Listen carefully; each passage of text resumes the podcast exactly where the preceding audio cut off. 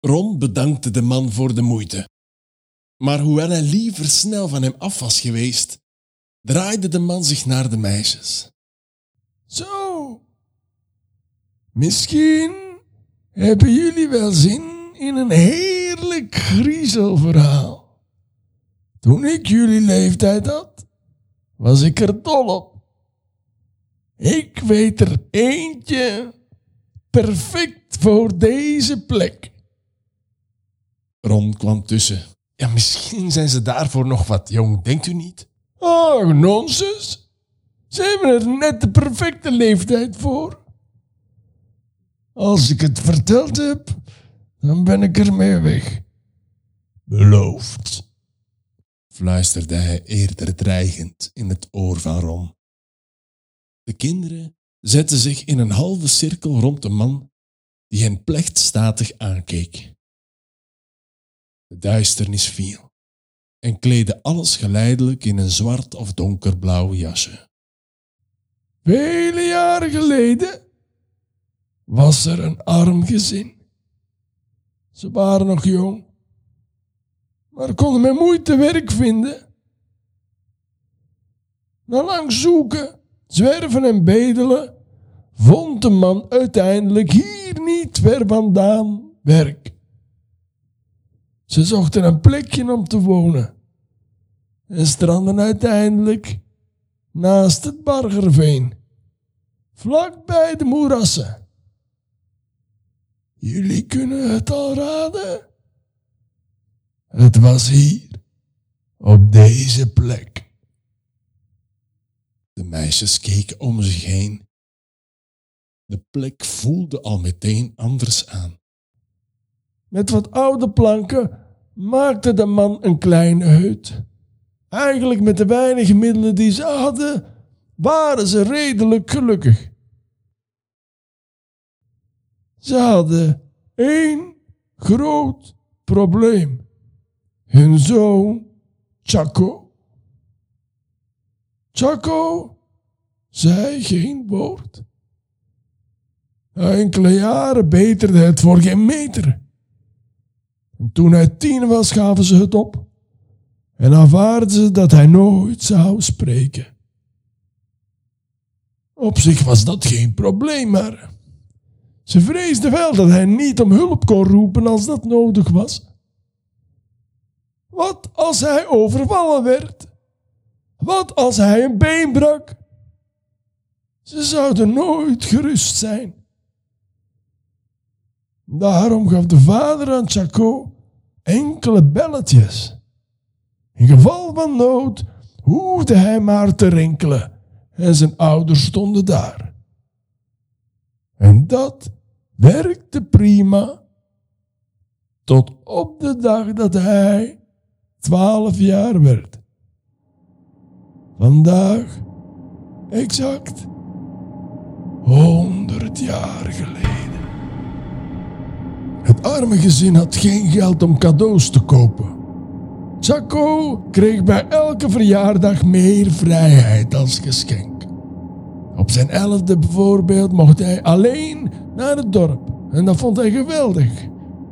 Maar vandaag, honderd jaar geleden, mocht hij zo lang opblijven als hij wou. Daar was hij blij mee. Maar eigenlijk had hij op iets anders gehoopt. Hoewel ze al heel hun leven naast het Bargerveen woonden, mocht hij onder geen enkel beding het natuurdomein betreden. Om hem bang te maken had zijn vader hem wijsgemaakt dat het er spookte. Maar Tchakov was niet onder de indruk. Nee, nee, hij was er erg op gebrand om op avontuur te gaan die avond. Omdat hij zo lang mocht opblijven als hij wou, bleef hij wakker totdat vader en moeder gingen slapen. Zo ongeveer rond dit tijdstip, wanneer de duisternis zich aandiende. Hij verliet op koude voeten het gammele hutje en betrad voor het eerst in zijn leven het Bargerveen. Zoals verwacht waren er geen spoken, geesten, trollen of kwelduivels te bespeuren. Hij was alleen. Moederziel, alleen. En hij genoot ervan. Hij voelde het kloppen van zijn hart tot in de toppen van zijn vingers.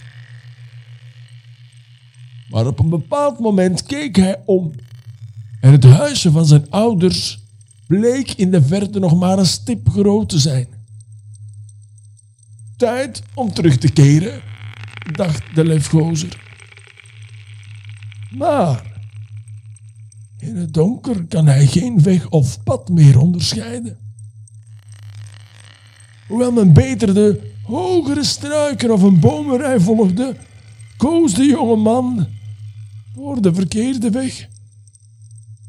De weg recht naar huis. De weg recht door het moeras. Hoe sneller hij stapte, des te vochtiger de grond onder zijn voeten werd. Toen die bleven kleven aan de ondergrond, zette hij alle kracht bij om over het veen te lopen.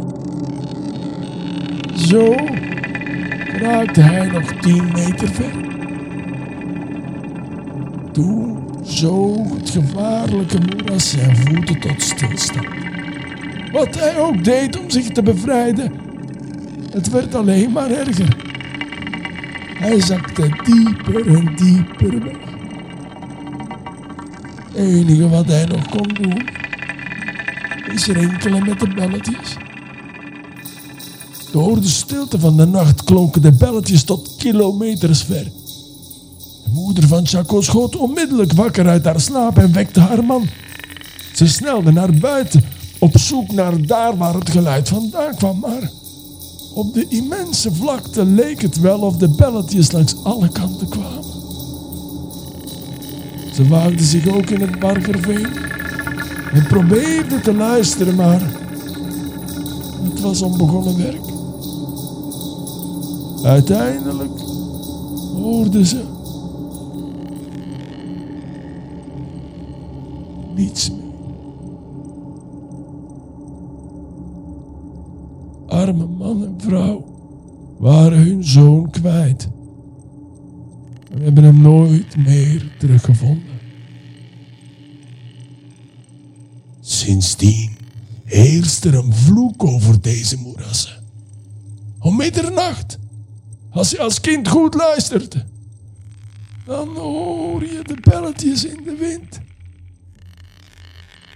Er is tot op heden geen enkele volwassene geweest die de belletjes heeft kunnen horen. Dus wie weet, horen jullie meisjes straks wel wat? Zo. Ik laat jullie achter op deze heilige plek. Wel te rusten.